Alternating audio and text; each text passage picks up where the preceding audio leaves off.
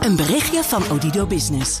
Hoe groot je bedrijf ook is of wordt, bij Odido Business zijn we er voor je. Met unlimited data en bellen en met supersnel en stabiel zakelijk internet. Ook via glasvezel. Ontdek wat er allemaal kan op odido.nl/slash business. Het kan ook zo. BNR Nieuwsradio. The Big Five. Art Rojakkers. Goedemorgen, fijn dat je luistert naar BNR's Big Five van de stad versus platteland. De kloof tussen stad en platteland, of tussen Randstad en niet-Randstad, staat weer op de agenda. Boeren roeren zich met hun protest in de grote steden, terwijl stadse discussies zoals over Zwarte Piet uitwaaieren over het hele land. En dan zijn er ook nog al die thuiswerkers die onder invloed van corona de stad uit willen. Wordt de kloof steeds dieper of valt het wel mee? Vandaag de gast Sjaak van der Tak, oud-wethouder van Rotterdam... oud-burgemeester van de gemeente Westland... vertegenwoordiger van tuinders... en vanaf 1 januari de nieuwe voorzitter van boerenorganisatie LTO. Goedemorgen. Goedemorgen. Gefeliciteerd met de nieuwe baan. Dankjewel. Ja, geboren als echte stadsjongen, maar steeds meer opgeschoven in het platteland, hè? Ja, dat is een uh, ding wat zeker is. Ja, nou, straks wil ik graag weten of, of je meer stadsmens bent of plattelander. Eerst drie stellingen waarop met ja of nee geantwoord mag worden. Het CDA komt te weinig op voor de boeren. Nee. De kloof tussen stad en platteland wordt steeds groter. Nee. De stikstofuitstoot van boeren moet omlaag. Ja. 1 januari, dan begint u als uh, nieuwe voorzitter van boerenorganisatie LTO. Er is veel onvrede onder de boeren, dus er is veel werk te verzetten ook. Ze voelen zich ook niet allemaal vertegenwoordigd door LTO. Ja, dat klopt. Dus uh, daarom uh, mag ik als vanaf 1 januari, maar ik ben al aan het inwerken. Ik probeer die kloof te dichten. Ja. Want dat, is, dat begrijp ik ook wel. Als je kijkt naar wat, wat, wat ze over zich heen krijgen. Hè, de stikstof, dat loopt eigenlijk al vanaf 1997. En als je ziet op basis van een rechtelijke uitspraak in 2019... dat het binnen, laten we zeggen, in een handomdraai... probeert de politiek nu die boeren een kant op te krijgen... terwijl ze zelf zeggen... En bijvoorbeeld, ik ben bij een van die boeren geweest in de Nieuwkoopse Plassen.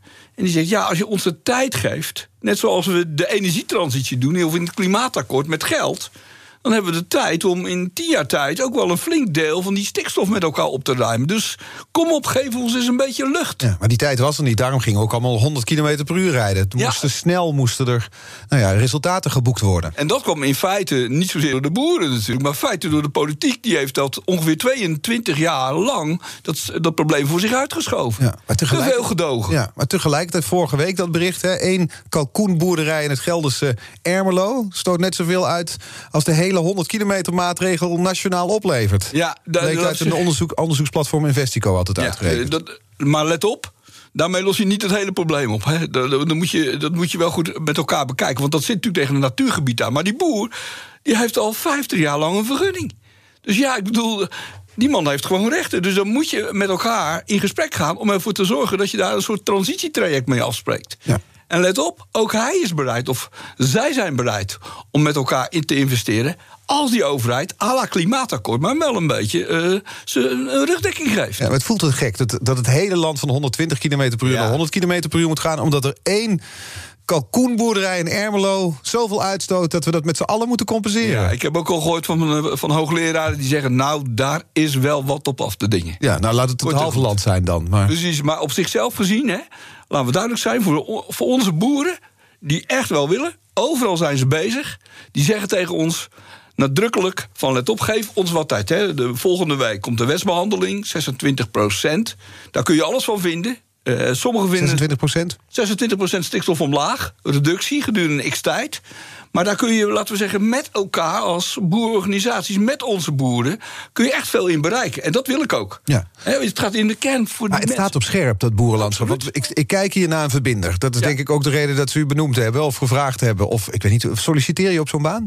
Nou ja, eh, wel. Ik heb keurig netjes, net als Ja. iedereen, mijn cv ingeleverd en argumenten gegeven waarom ik dit wel mooi vind. Ja. Maar natuurlijk komen ze naar je toe. Ja, dus er is dan eh, uiteindelijk... eh, wordt dit dan per 1 januari... en ik, ik zei het al in de intro, intro u bent een verbinder. Dus dat zal ook de reden zijn waarom voor u gekozen is. Want niet iedereen voelt zich nu vertegenwoordigd door LTO. Er zijn allerlei andere clubs, de Farmers Defence Force bijvoorbeeld. Ja, daar ben ik geweest, bij Mark van de Oever. Gewoon om eens even te horen, te proeven.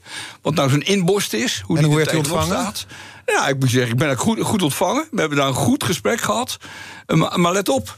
eh, je kunt, ik denk dat met name voor mij, vooral die actie van 1 oktober 2019. Toen die enorme boeractie was en met al die trekkers over de weg.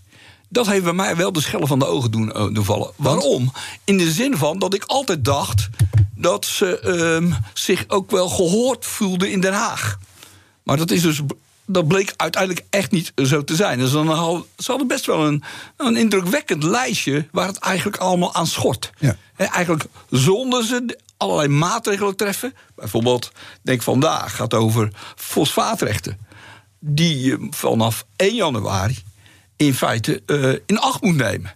Die kennen ze vandaag nog niet eens. Hm. Dus die overheid, er is ook een kloof tussen overheid en, uh, en onze boerenorganisatie. Ja. En ja, dat moet ik ook mee helpen om te zorgen dat dat weer er ligt dezelfde bladzij uitkomt. Precies, er ligt veel op uw bordje. Maar zo'n club als de Farmers Defence Force, u begint dus nu bij LTO Nederland. Is, is Farmers Defence Force een toevoeging?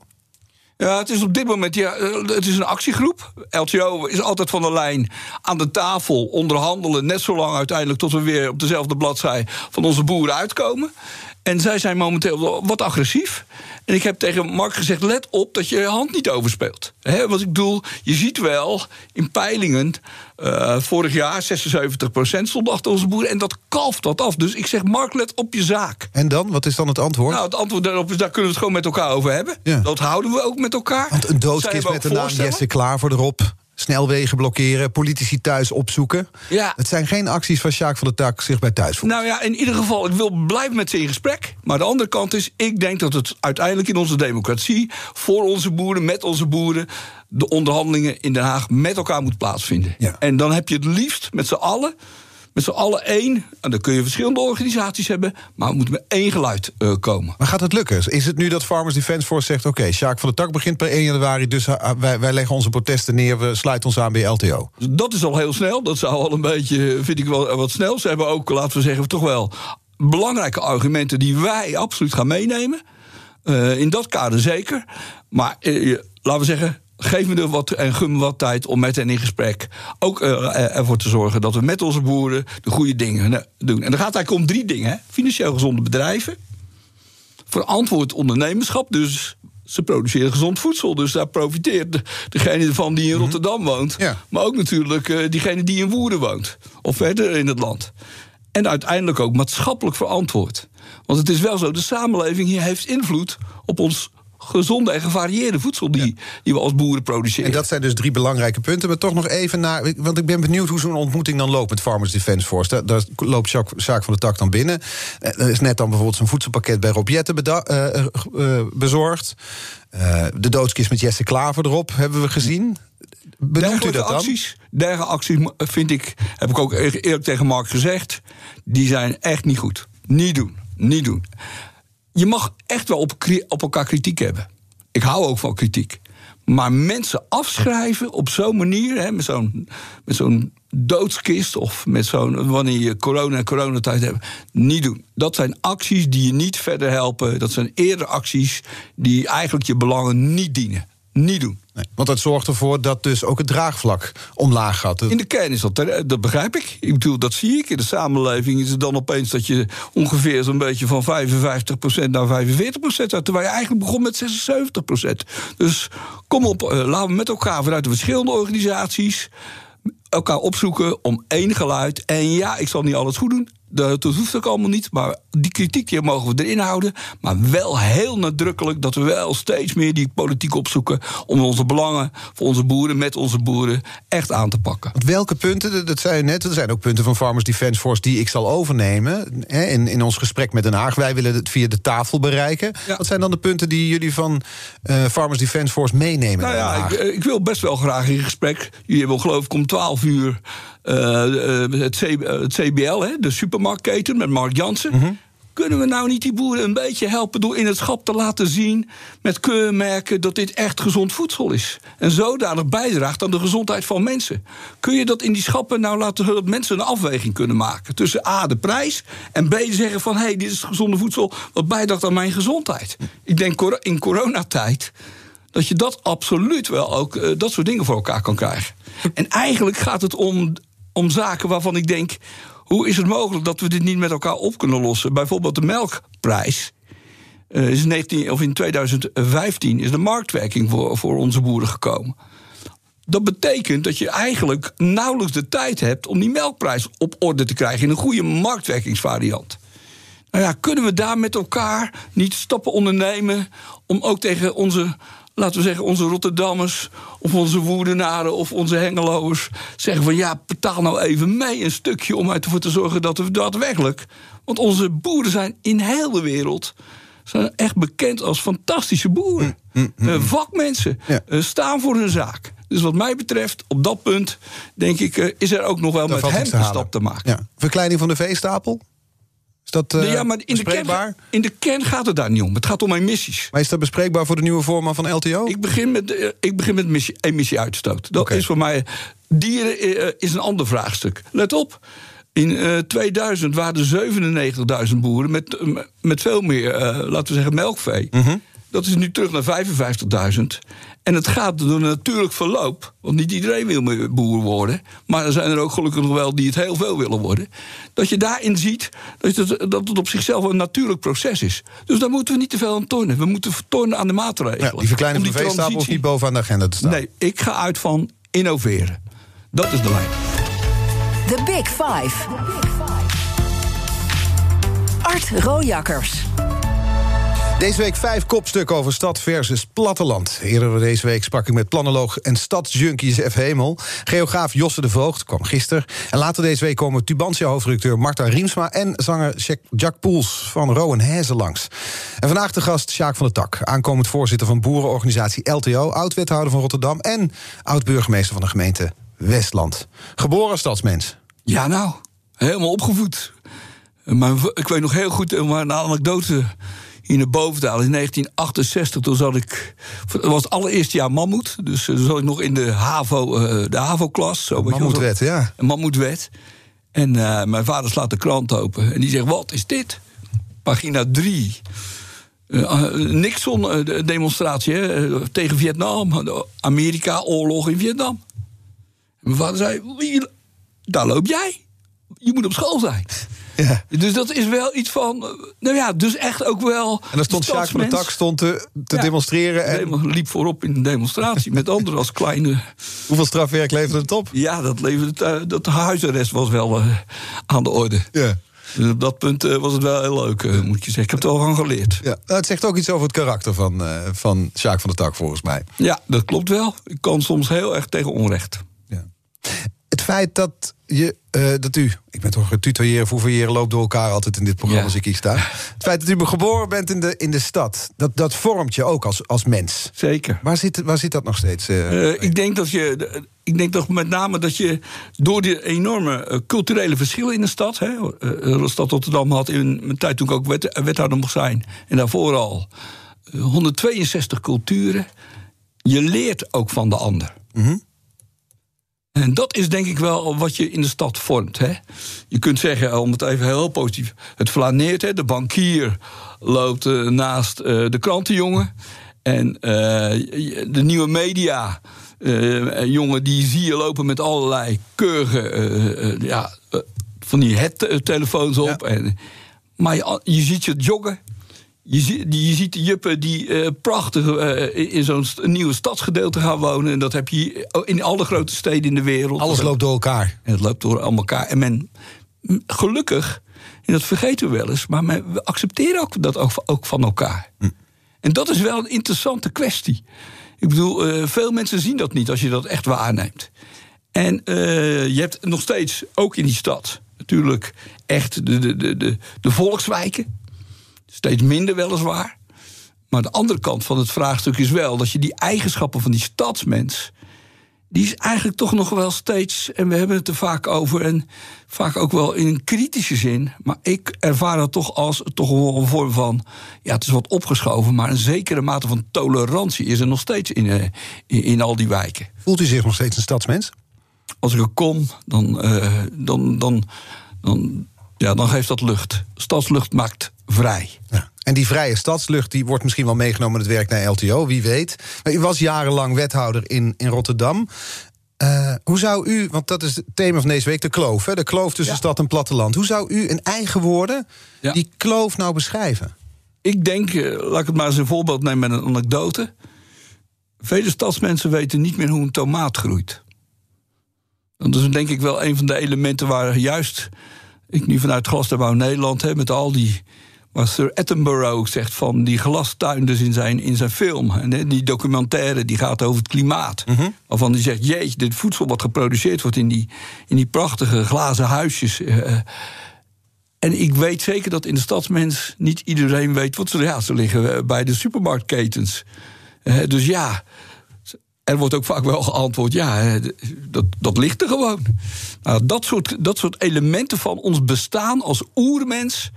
Ja, daar zit, daar zit een element van de kloof in. Ja, daar ben je misschien als stadsmens wat meer van losgezongen. En dat, dat levert dan onbegrip op, moet ik het zo zeggen? Nou, onbegrip. Het niet van elkaar weten. En niet van elkaars werelden weten. En eh, ik, ik ben een beetje. Mijn grote. En veel mensen zullen dat niet meer weten, maar. Professor Albeda, oud-minister, gro- groot denker. Die zei het uit. In de stad kun je tegengestelde dingen doen. Op het platteland veel minder. Op het platteland is het veel meer ons kent ons. Is zijn het veel meer, laten we zeggen, gemeenschapsdenken. En ook daar is die evolutie aan de gang dat dat wat losser wordt. Maar edoch, het zitten wel degelijk, die eigenschappen zie je nog wel in, in dit soort culturele verschillen. Ja, en dat zorgt aan de ene kant meer voor, voor meer saamhorigheid. Ja. En aan de andere kant minder tegenstrijdig denken, zoals al Ja, zei. kijk, in de stad loop je la- gezellig langs elkaar heen. Laat je elkaars wereld de wereld. Ja. Maar de andere kant van de lijn is dat je i- i- in een dorp. Ja, eigenlijk meer met elkaar nog doet. En ook dat is wel aan het veranderen, hè? laten we eerlijk zijn. Als je naar de 60 of 70 jaren kijkt, dat gemeenschapszin, die saamhorigheid, die is er wel degelijk op dat platteland. Maar aan de andere kant, het is ook wel, laten we zeggen, er komen toch wel meer invloeden vanuit de stad. eh, naar, eh, eh, naar het platteland toe. Omdat de stad uit zijn jasje groeit. Hè. We hebben tekort aan woningen. Dus wat zie je? Eh, je begint in de stad Je gaat naar buiten. en je gaat naar buiten. Ja, met, met dus die stadse blik. Met die stadse blik. En je beïnvloedt daar. eh, neem je wat van die cultuur mee? Want velen willen ze toch ook wel in die ons kent ons, maar op een andere manier. Hè, iets losser. Iets, eh, laten we zeggen, meer van die vrijheid genieten. Of die verantwoordelijkheid nemen voor de voetbalclub of voor, voor de sportclub. Dus je neemt er wel aan deel.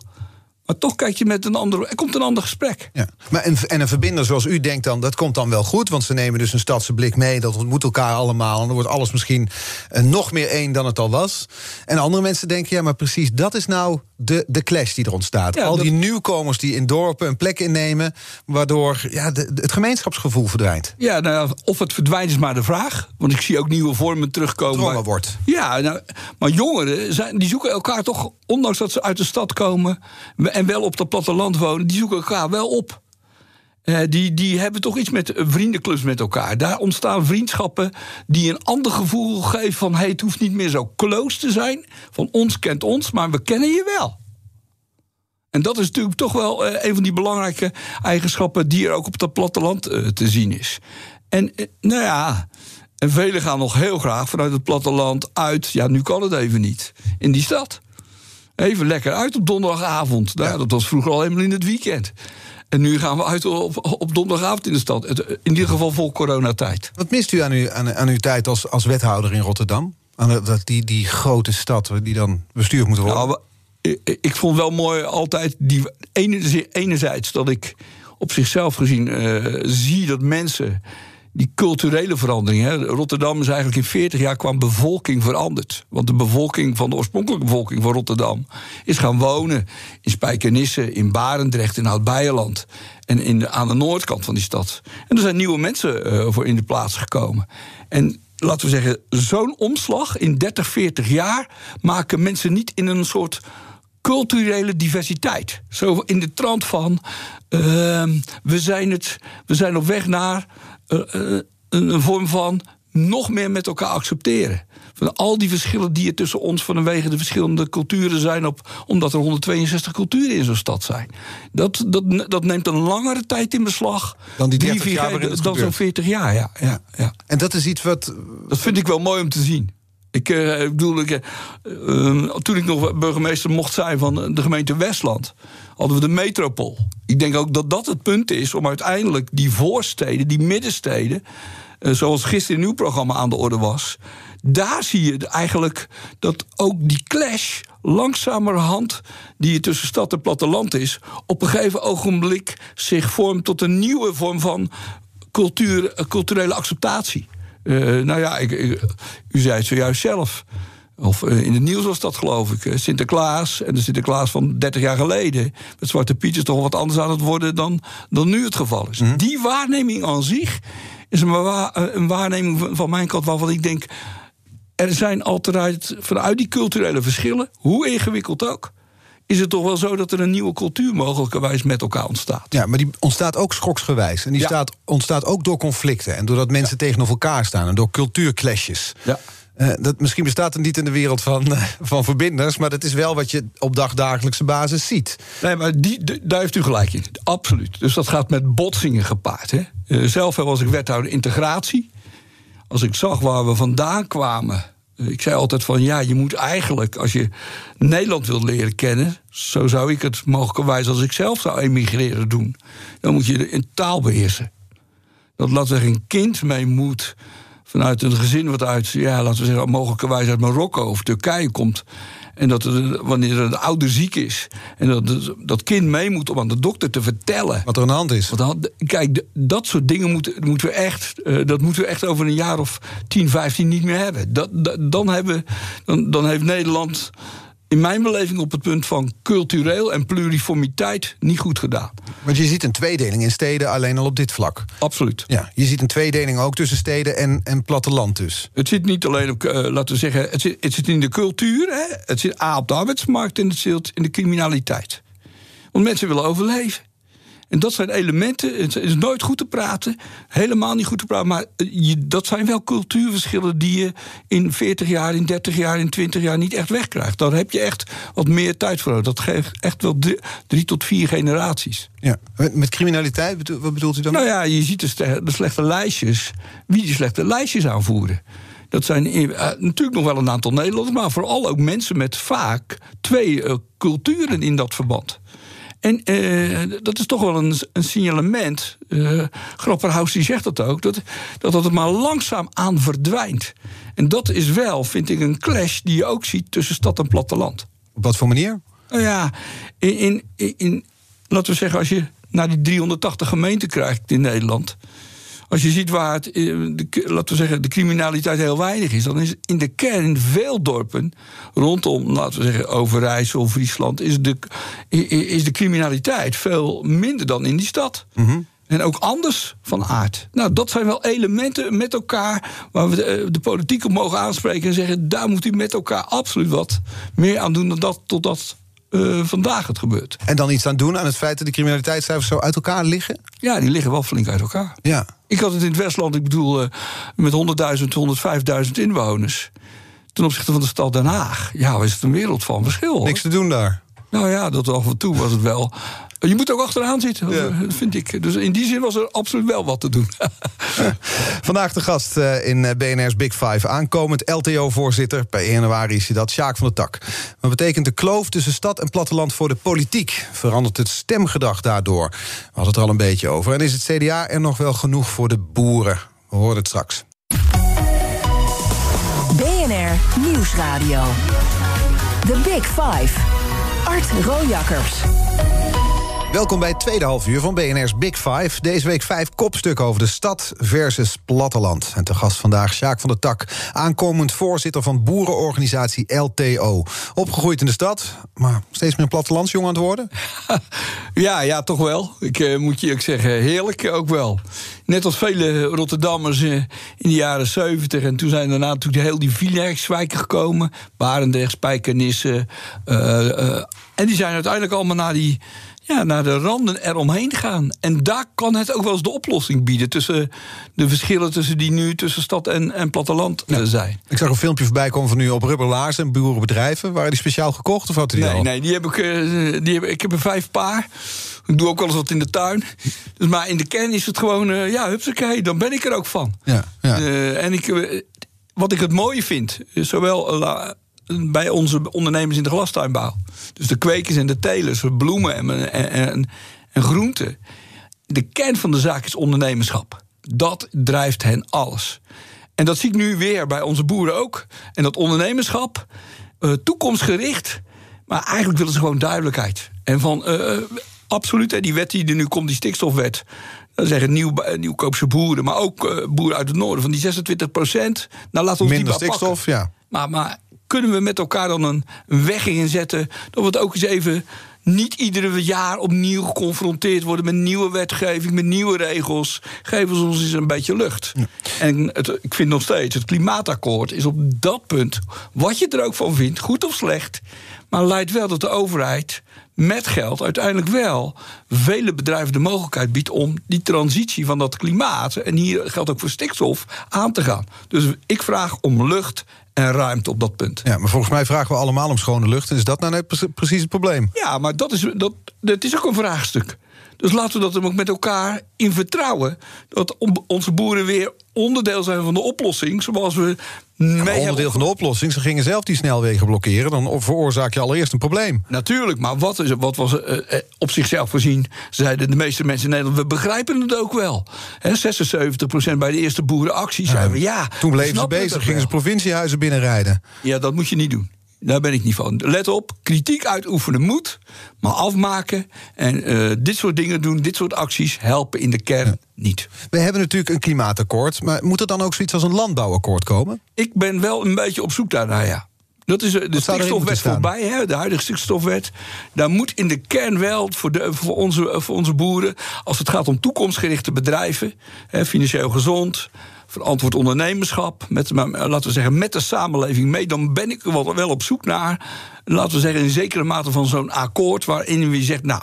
Dit gaan we voor, de komende vier jaar eens met elkaar uh, doen. Op weg wat, naar 2030. Wat, wat voor punten zouden er in zo'n landbouwakkoord moeten staan? Eén, als je die stikstof ook daadwerkelijk met de boeren wil oplossen, dan moet je die boeren op dat punt ook maatregelen geven om uiteindelijk bijvoorbeeld die mest te scheiden. Of bijvoorbeeld de Europese regel waarin je die mest vanuit uh, die bereiding, die kun je ook daadwerkelijk inzetten in schrale gronden elders in Europa. Dat mag nu niet. Een ander deel is, je kunt ook met elkaar afspreken als het gaat om voeding van hoe je uiteindelijk die mest bereidt om uiteindelijk weer tot voeding te zijn. Het groeien van het gras. Uh, en dat zijn allemaal maatregelen die ook wel bij onze boeren leven. En zo hebben we een heel lijstje al. Dus merk ik in mijn inwerkperiode, en dat lijstje is nog lang niet af. Mm -hmm. om uiteindelijk wel die transitie goed in gang te zetten. Ja, en dat gaat dan dus over mest, het gaat over voeding, het gaat over van alles en nog wat. Is dan op 1 januari wordt gebeld en op 2 januari zit, zit u bij de, bij de, bij de minister? Uh, wanneer de minister belt, kom ik zeker. Ja, en dan gaan we ik... zeggen, mevrouw Schouten, we gaan voor een landbouwakkoord. Nou ja, ik bedoel, de nieuw, er komt een nieuwe, er komt een nieuw, uiteraard een nieuw kabinet, er komen verkiezingen aan. En de vraag is of we dat nog op weg naar die verkiezingen kunnen doen. Waarbij wij wel degelijk ook uh, zaken zullen inleiden. We hebben geen tijd, het moet voor die verkiezingen. Ja, dat vind ik eigenlijk ook wel. Ja. Dus, uh, wat Want anders dan zijn we weer aan het formeren... en dan zitten we weer in het najaar. Voordat er eens een keer... Na, hebben we weer een jaar. Dus een landbouwakkoord moet er voor die verkiezingen zijn. Voor onze, boeren, voor onze boeren is het absoluut iets waarvan ze zeggen... nou, kom eens op, duidelijkheid. Geef ons eens duidelijkheid. Neem ons eens mee. En, en, en wat is er nu onduidelijk voor boeren? Voor boeren is het onduidelijk hoe je uit, wat wel is toegestaan en wat niet is toegestaan. Dat is in het kader van die stikstofwet, die volgende week in behandeling komt. Uh, een economische analyse ontbreekt in die wet. Dat zegt, de, dat zegt de raad, zelfs de Raad van State. Die zegt ja. En wat betekent dat dan voor onze boeren, e economisch gezien? En wat betekent dat, omdat vele boeren natuurlijk leven in gemeenschappen, vanuit die platteland, wat betekent dat sociaal voor ze? Nou, dat soort elementen behoren wel degelijk in een boeren, uh, in een boeren overeenstemming te zijn en in een akkoord te zijn. Dus ik sta open. Maar op zich is het vrij duidelijk wat erin staat: min 26 procent. Op zichzelf gezien. Vrij helder. Zeggen, een groot deel van de boeren, heus niet alle. En die kritiek die neem ik ter harte. Uh, daarvan zeggen we, nou, dat is al voor ons op dit punt wel degelijk te doen. Want ja, in de kern ging het eigenlijk om een veel hoger percentage, hè, stelde uiteindelijk de overheid. En het is nu 26 procent, daar gaan we aan beginnen. Dit kabinet begint daar tenminste aan. Dat is in ieder geval een, een stap vooruit. Want dat is het beeld eigenlijk, hè? dat de boeren al heel veel gedaan krijgen. Dat klopt. Doordat ze op de snelweg gaan staan, uh, doordat er uh, protesten zijn. De, de politiek beweegt veel naar de boeren toe. Maar let op, ook boeren hebben al veel gedaan. De, de dag van, van gisteren, die vergeten we veelal. Terwijl uiteindelijk we het allemaal alleen maar hebben over de dag van vandaag. En we moeten eigenlijk naar morgen. Ze hebben ook al veel gedaan. Dus er is in het verleden al heel veel, eh, laten we zeggen, op die lijn gezet. En ja, er komt nu een uitspraak uit dat we nog moeten veranderen. Dan denk ik, geef ons de ruimte, mogelijkerwijs met het- een boerenakkoord... om ervoor te zorgen dat we op weg naar een nieuwe formatie... dat er iets ligt waarvan de regering zeggen... deze paragraaf landbouw, die gaan we invullen. We gaan het in de gaten houden, dat landbouwakkoord op weg naar de verkiezingen. Terug naar die kloof tussen stad en, en platteland. Hoe zien we die in uw ogen terug in de politiek? Ja, ik, ik zie toch wel dat. Nou ja, dat er in de kern. dat die kloof er ook gewoon in de Tweede Kamer is. Pa- eh, partijen die hebben toch wel degelijk. laten we zeggen, het stadsbelang. Het, eh, als zodanig zie je dat. eh, het klimaatakkoord, energietransitie, eh, alle huizen moeten veranderen, eh, te weinig huizen gebouwd. Eh, ja, dus eh, er is ook sprake van dat die kloof dus ook daadwerkelijk wel ontstaat. Er is meer aandacht voor de stad dan voor het, het platteland in de Tweede Kamer. Ja, dat is te hard gezegd. Maar de kern blijft, de vraagstukken al zo niet... worden niet, eh, laten we zeggen, in de stad opgelost... maar ook niet echt op het platteland. Dat snap ik niet. Nou ja, een voorbeeld daarvan is 1 miljoen woningen bouwen. Waar gaan we dat doen? Eh, eh, om uiteindelijk ervoor te zorgen dat we eh, onze jongeren wel kunnen laten wonen. En die onduidelijkheid, die regeert momenteel in in Den Haag. En dan, als je, niet, als je niets doet, dan neemt de kloof toe. En dat is mijn grote, dat is mijn grote zorg. Is die kloof, hè, waar we het over hadden, de kloof tussen stad en platteland, die is dus terug te zien in de politiek. Ehm, maar ik praat ook iemand met, die, met iemand die al decennia actief is in de politiek. Ja. Neemt u dat? Ja. Nee, zelf heb ik daar absoluut ook wel zaken steken laten liggen. Zo simpel is dat ook wel. Wat ik, waar, wat ik daarvan steken zie zijn dat dan? Nou ja, dus, dus, laten we zeggen, als je kijkt naar mijn eigen politieke partij. CDA. Amsterdam, één raadzetel.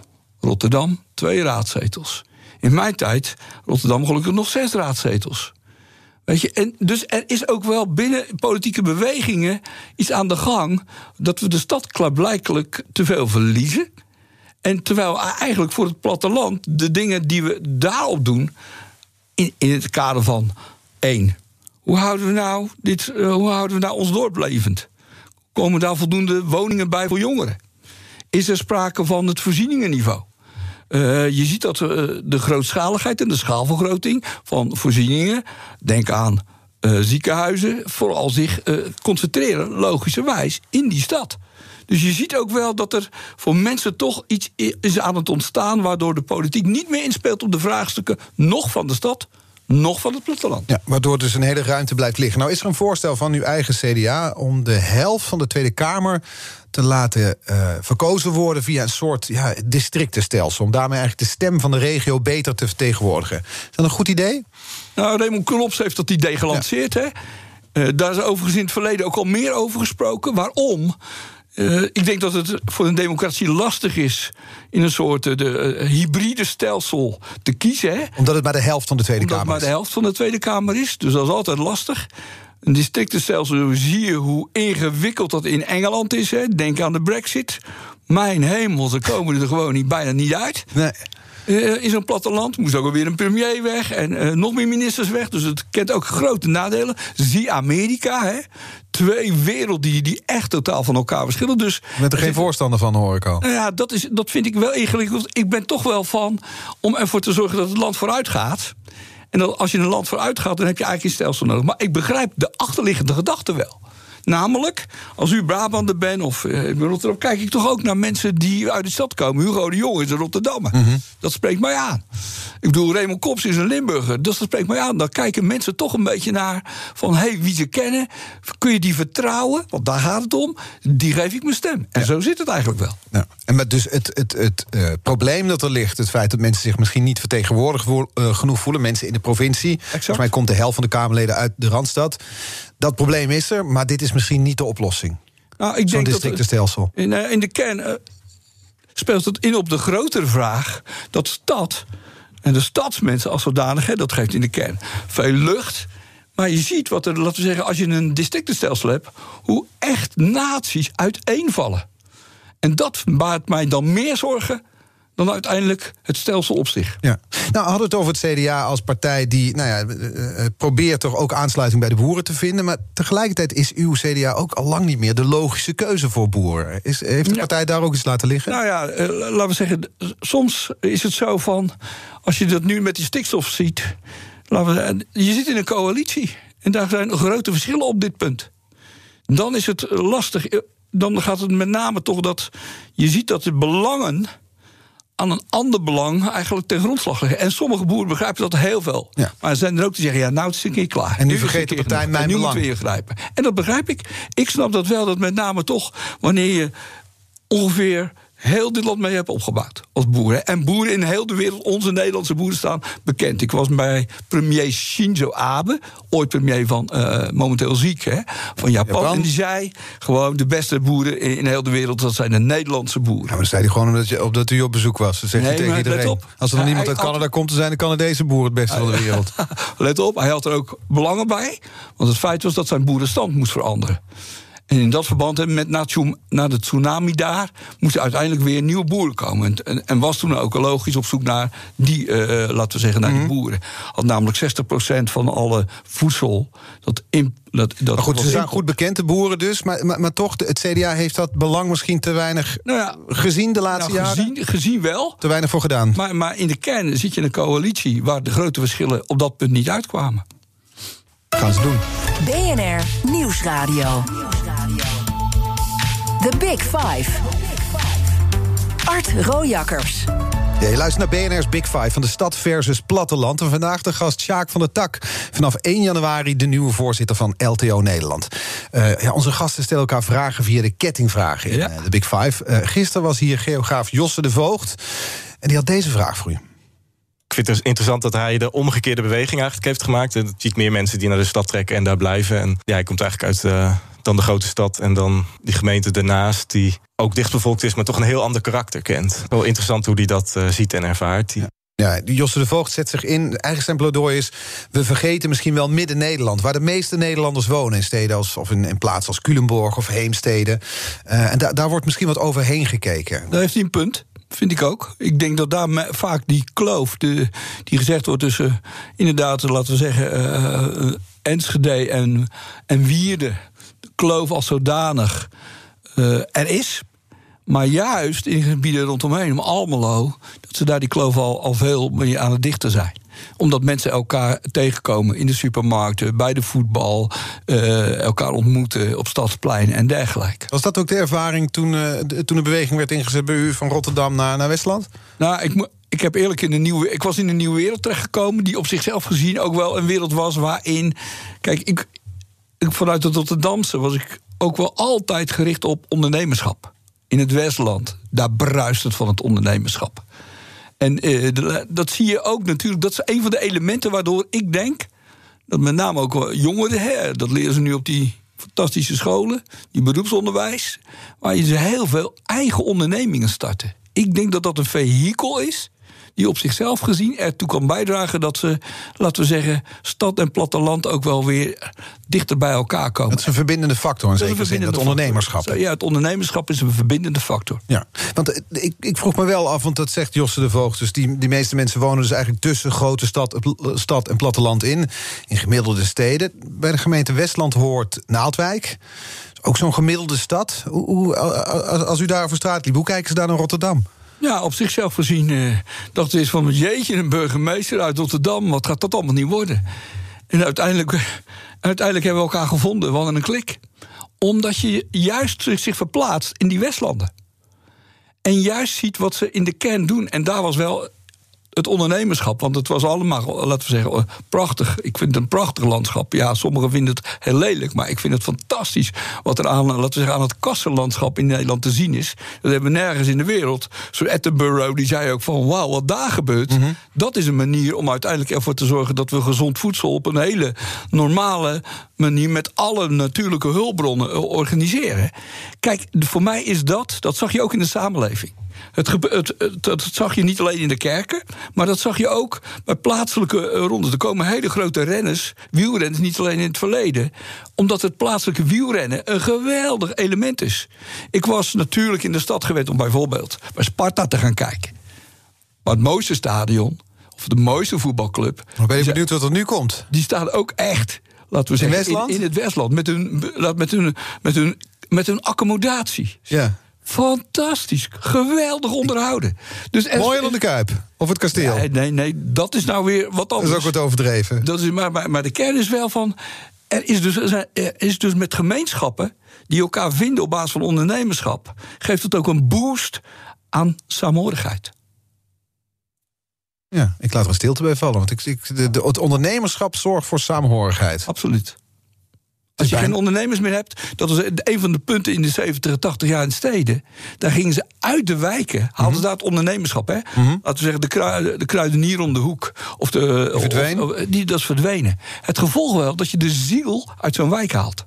Dat is dus echt heel gevaarlijk, denk ik. Dat is een van de elementen waardoor die kloof toeneemt. Ja. Als je niet meer een ondernemer kent die voor zijn zaak staat, die voor zijn zaak gaat, maar die ook niet denkt als een buurvrouw of zijn buurman, dan zie je ook daar al die kloof Ja, ontstaan. En die verschaling, van, ook van voorzieningen op het platteland, draagt daaraan bij. En, dus, en, en op dat punt moeten we. En dat is denk ik een van de elementen die alle politieke partijen toch goed zeggen. Als je de laatste school uit een dorp weghaalt, haal je nog meer de ziel uit een dorp. Mo- morgen is hier Marta Riemsma te gast, hoofdredacteur van uh, Twentse Courant Tubantia. Dan mag een kettingvraag die kant op. Wat zou je haar willen vragen? Nou, ik zou haar willen vragen. Geef mij eens heel duidelijk de cultuurverschillen in Twente aan. Tussen Enschede en Markelo. Of eh, Woerden. En is die, zijn die culturele verschillen ten opzichte van de Randstad? Kun je die benoemen? En wat doe je er als Tubantia aan? Wat zijn die culturele verschillen tussen Twente en, Nou, eh, ben ik en de Randstad? benieuwd. Nee, daar ben ik wel Heeft u er een beeld van? Een beetje, een beetje. Eh, omdat daar toch wel eh, de gemeenschappen aan zich rondomheen heel hecht zijn. Heel erg van ons kent ons nog. En in, en in Enschede zie je al als het ware een hele andere cultuur ontstaan. Theater, uitgaansleven, eh, ondernemerschap. Dus dat zijn elementen waarvan ik denk. en die zijn wellicht nog al of niet hetzelfde ten opzichte van de Randstad. Komen Randstad en Twente daardoor niet dichter bij elkaar dan dat we nu vandaag denken? Ja. Het zijn een boel vragen aan, eh, aan, de, aan de hoofdredacteur van Tubantia. Maar het gaat dus eigenlijk over de cultuurverschillen tussen Twente en, en, en de Randstad. Eh, eh, In de kern wel. Maar eerst onder, even eerst in Twente en dan de stap maken naar de Randstad. Oké, we gaan het er morgen voorleggen. De, de vraag waarmee we deze uitzending begonnen was... of die kloof tussen stad en la- platteland nu steeds dieper wordt... of dat het wel meevalt. Ik denk op zichzelf gezien, als je de elementen weer neemt rondom cultuur, de culturele di- diversiteit. Ik zei dat de stad eh, Rotterdam is in 30, 40 jaar van bevolking veranderd. Dat dat nog tijd heeft. Dat is ook wel van belang, denk ik, eh, hoe zo'n burgemeester Abu Talib, eh, laten we zeggen, op een fantastische manier als burgemeester die stad dient. Is, dat, dat, dat, dus eigenlijk moeten die mensen, zowel eh, de burgemeester, maar ook ondernemers, gaan staan voor die stad. En zeggen, we gaan met z'n allen die kant op. Ik denk dat dan de cultuurverschillen kleiner kunnen worden. En het tweede element, het, onder, eh, het ondernemerschap in, in dorpen, in regio's, in het middengebied. Daar dient het leidend voorwerp te zijn om uiteindelijk die kloof, laten we zeggen, te overbruggen. Op 1 januari eh, gaat het allemaal beginnen bij LTO eh, Ja. Nederland. Dus dan is nog een lichte champagne-roes misschien. Lichte, lichte champagne er in. Ja. Wat is het allereerste op de agenda staat dan? Nou, ik ben echt van werkbezoeken. Ik wil precies weten, ik heb in eh, de glastuinbouw als burgemeester, maar ook als voorman van Glastuinbouw Nederland 2036 bedrijven bezocht in die 13, 14 jaar.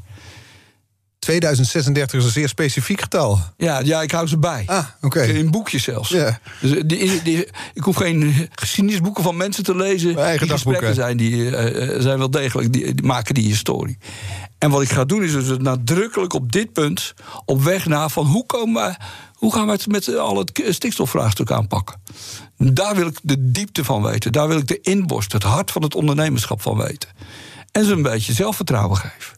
Kom op, we leveren fantastische producten. Gevarieerd voedsel wat heel goed is voor de gezondheid van, van mensen. Twee, in de kern zijn het financieel gezonde bedrijven. Hoe, hoe staat het bedrijf in 2030 ervoor? En drie, ja, de samenleving vraagt wat van ons als boeren. Kom op, laten we een plan maken met elkaar hoe wij die samenleving eh, met elkaar eh, in ieder geval weer meehelpen te veranderen. Dat we weer onderdeel van de toekomst zijn Ja. voor ons land. En dat begint op 1 januari met een bezoek. Zeker. Op weg naar Agrarisch Nederland 2030. Ik ben benieuwd welke, welke boeren u wil ontvangen op 1 januari. Die hebben misschien ook wel iets beters te doen dan. ja, maar, eh, op elke datum sta ik voor ze gereed. Oké. Succes met de nieuwe baan. Er valt eh, genoeg te doen volgens mij. En dank voor de komst, Sjaak van de Tak.